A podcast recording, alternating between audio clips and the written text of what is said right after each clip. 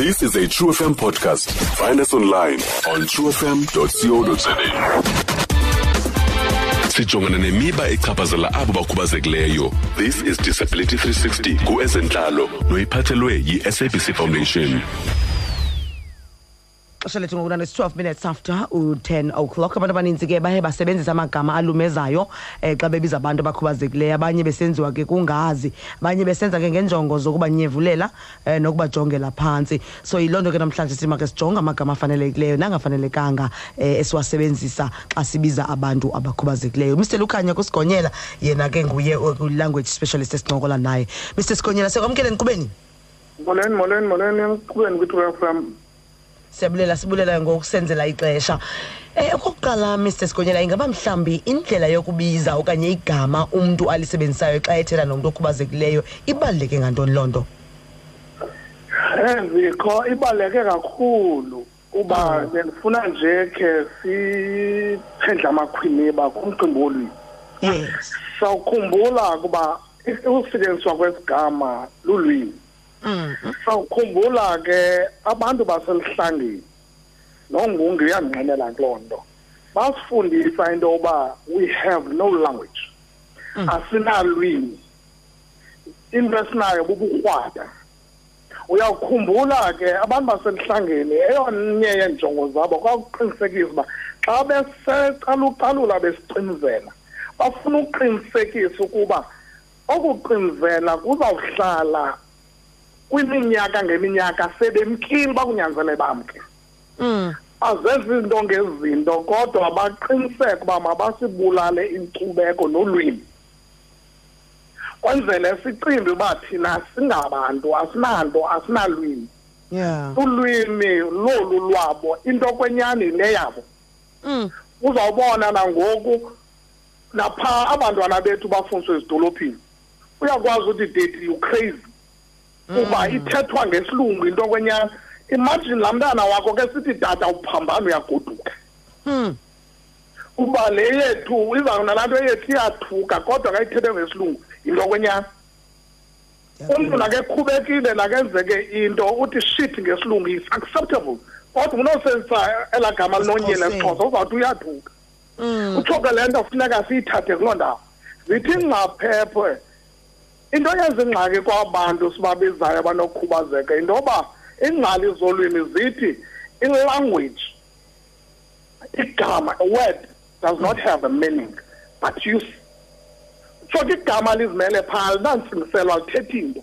Uze lithethe into kuxhomekeke ekusetyenzisweni. Ndikuvile so ke ngoku sinaloo ngxaki ke ngoku yoba abantu ndikwenzela umzekelo kule mihla siphila kuyo unyoko uyathuka. Uyava unyoko ngu- ngumzali wakho alithuke logama kodwa indlela eyaphilaseyiswa ngayo loyanyaniswa nendlela ofuna umntu uqinisekisa uba umthukile Yeah. umbiza ngentontontoni kanyoko. So ke indle- then we have words versus attitude. So ke attitudes zabantu ngenxa babeqhele eligama lisetyenziswa kwaye layanyaniswe. Noba umntu efuna ukuthuka aqiniseke uba ukuthuka nyani funeka akuthuke ngomzali wakho. Kwade kwacinzwa ke ngoku nonyoko uyathuka. Mm. nakula magama ke aba bantu babandezelekileyo awathuki la magama. Ixhomekeka kwindlela asetyenziswa ngayo ngabantu. Mm. edibene ne-attitude. Uba uyakhumbula mos uba umntu u- isithulo abafuni kuthiwa zizithulo kodwa bayafuna ukuthiwa ngama-deaf. Deafness means the damage of the inner ear. Apha kuthi usisithulo kanjani? Nifune uthi ngumntu ongava ongevayo ungeva. Yeyona nto ithukayo kuba ka ungeva uqeqeshekanga you don't follow instruction awumameli. Mm. utsho ke ibe nenye i-connotation engeyiyo elona gama lililo neli lobuthulu. Kodwa bafune kuthiwa ngamadefa ifune ke ngoku laa nto ibuyela kweza attitude nendlela esafakwa ngayo uluchwe olungelulo lokuba into yethu ayiyo into kwenyani yinto yaselihlangeni Mm. uzababona le nto yenziwa ngelula ufika esikolweni ubani igama lakho? Ndinguthemba kuthiwa yo ndawo phambanela le mntanam yintoni loo nto uthemba. Kuthiwa ke uzawuba ngutshetsile apha esikolweni. Because sifuna ubonisa uba izinto ezithiywe sithi a- azinantsingiselo aziyonto. Into yokwenyani into yesesilungwini le nto ndifuna siyithathe kwis- kwi- kwi-social level. Kule lo mzekelo wasesikolweni. Nasenkonzweni ufike uthi ndingulukhanya kuthiwa intoni loo nto? Igama lobuhedini liphela phehlelele unikwa igama lasesilungwini uba kudelele nto ezitho go to igama esalwa apha ngo- I think 2005 kukho igama le-albino. Abafuni elesixhosa Mm. Ndiyaba-understanda kutheni uba balibizwa rongo abantu abawazi la magama esixhosa. Bathi makuthiwa yi-albino kodwa u- laa nto qha abantu basenza uba kuthiwa aba bantu abane-albinism zingawo inkawu ayingomntu yintsimanga inkawu qha banombala onkawu. Mm. nothi nkawu kawu yintsimanga banombala onkawu. So ke ngoku iphucuke phaa ke ngoku le nto lawo abantu babona indlela ebhalwa ngalo bangayazi balohlukile unkawu means uba light le nto abelungu kuthiwa bamhlophe bona bankawu kuhlula bona nomlungu uthiwa umntu sisifombo kuthi uyathuka loo nto ayithuki imini ufombekile and inento yokwenza nayo nendlela abantu isociety yethu into yobandeze yokubandezeleka ngom- ngelungu elithile lomzimba bayi-associate ne-misfortune nendlela abathi ke befuna uthuka ngayo basebenzise la magama Mm. endaweni yothuka kuba ayikho enye indlela ozawabiza ngayo la magama so kufuneka amaphulo anjena omane sifundisana ngala magama azasincedile Yeah. Kuba sizobonakalisa uba ezi zinto azithuki zinto zethu. Njengoba senditshile bezinto ezifana twase lezi zethu once zibizwe ngeliz- ngelwimi laselihlangeni kuthiwa zizizo. Kodwa kwayitolika ngqo nale yethu ayiyo. Kusolo nje eza attitude zenza yonke into iyathuka. Ndikwenzele ngomzekelo wa- wa- wenkawu nkawu Mm. mm.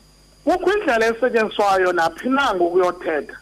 Umntu keva xa indawo esithi uyayoyika okanye imbi okanye uyangcungcutheka kuyo bathi kukwanja zothumlilo Mhm. kanti akunjalongo kwanja zothumlilo yindawo emnandi. Ukuba zobathi e- e- e- emendweni kwanja zothumlilo ayikho loo nto. Kuba sumabona beminisha into yoba kubi pha kuyangcungcutheka impaa kwampathombi kanti kwanja zothi umlilo kwamlebese akumandi kubetha itwalata Mm. kuba uyakhumbula inja ayihlali endlini. Yes. xa ubonisa mntu futhi ayihlali endlini kodwa ingade emzini ifike inja ihlala uba endlini kakuhleli kuhlala phambi komlilo. Ithi ifike nayo izokotha umlilo akukho hayi apha kwavula zivuka nenje ifike ihlale nabantu abayotha umlilo so yi-lack of knowledge. Uba kuthethwa ntoni kukho neligama lingunyi Mm. unyi uyingxaki uba abantu abamazi uthetha uthetha ukuthini kukho laa nto kokuba kunya sisenyula U- u- u- u- uya- u- ukonya is to soak kule context inkoduso Mm. uya- usoka ubhizi uyanya uyaso- uyonyula uya- uya- uyayanya uyayisoka uyayihluza uyayisoka uyayihluza. Soko ubhizi uxakekile Mm. but ngoku nina nithi siyathuka kasifaka unyi yonke into enakunyisa isithuko and uwanya uyasetyenziswa kwi-attitude ne-context kuba kandifuna usuka endleleni ndizawuthi wanya uzawuyazi abantu uthuke but ndithi ithi kum Mm. so abantu ba sebecimba abantu abane-disability nje baphetheke kakubi. Kungento yoba bane-attitudes towards the language. Igama balisebenzisa ngendlela engeyiyo. Ngoko ke igama xa ulisebenzisa ngendlela engeyiyo kuzawukho ezi attitudes uba xa uthi umntu uyaqhwalela. To be crippled is to ulimala ulimele. Yes. le nto isuke kuthiwa usisilima. Ayithuki because ulimele. Mm. abantu bathi bayathuka and into endothusayo nendikumnqa for the very same people xa kufikelele ixesha loba benengxaki befuna uncedo oluthile uthi mna masithi kumaziko karhulumente noba uye kwasaso kwa-social development uthi ndicela uncedo mna ndihlala nemfama ndihlala nesifombo ndicela usasa ndincedise. Kodwa noba ndithe sipho esasifombo uzawuthi ndi- kutheni undithuka nje?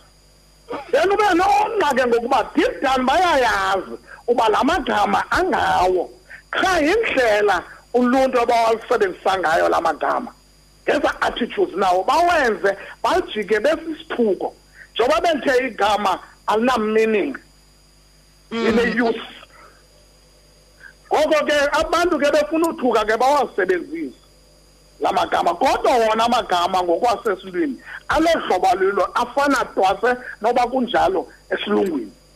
Ayesibasamkelayo ndingaqhawulanga. Ingaba ke ngoku sesigonyela uthini umyalezo ofuna ukuwugqithisa eluntwini malunga nale language isetyenziswayo and also ne-attitude? Njengoba sowutshile uba ke um eyona nto iphambili yi-attitude. Mm, ngaba mhlawumbi ufuna ushila izwe lithini ndifuna uthi makhe sitshintshe ii-attitudes zethu. Abantu bayafana njengoba benditshilo nakweve kupheleyo yes. Ndisithi abantu bayafana. I- i- isociety yethu ukuze ibambisane funeka ibe coherent. Ukuze ibe coherent i- isociety funeka sizibone uba siyafana. Koko funeka sincedane sincedisane. Ngoko ke amagama sitshintshe indlela esicinga ngayo ngabanye abantu esihleli nabo. Ndikwenzela umzekelo mna xa ndihleli ndikwenye ikomiti enabo abantu abazizithulo xa ndihleli nabo i become disabled. Kuba benza zonke izinto bayazithethela andiyazi noba kubethwa baphi bebethwa ngubani. So ke nam i- i- i- ndityiwe ziintwala zengubo yam ngoku. Uba into jikile ngoku. Uyayibona? Uba ngoko ndim one-disability uba ndikwazi uthetha ndifuna uncedo kubo ndiqhuba intlanganiso nomtshepezeli andikwazi uqhuba ndine-disability ke ngoku. Uba ndikwazi uthetha ngolwimi lwezandla. So kwenzama ukuthi abantu bayafana. Masigcinane sinjalo sikwenzele sibe sisizwe esimanyeneyo nesikwazi uncedana nesinganyevulelaniyo nesinganyembaniyo ngokweziphako esinazo ndikuvile mr sigonyela masibambe kazibini sibulele kakhulu kuwe nangenkcazelo yakho inkosi kakhulu nangemfundiso kanjalo enkosi nakobaphulaphuli bethu f thank you. Alright mr lukhanye sigonyela ke lo language specialist ebethetha ke ngamagama eh la siwasebenzisayo xa sithetha nabantu abane-disability. Stream True FM online on truefm.co.za. sikho yonke indawo ngalo lonke ixesha like no one else.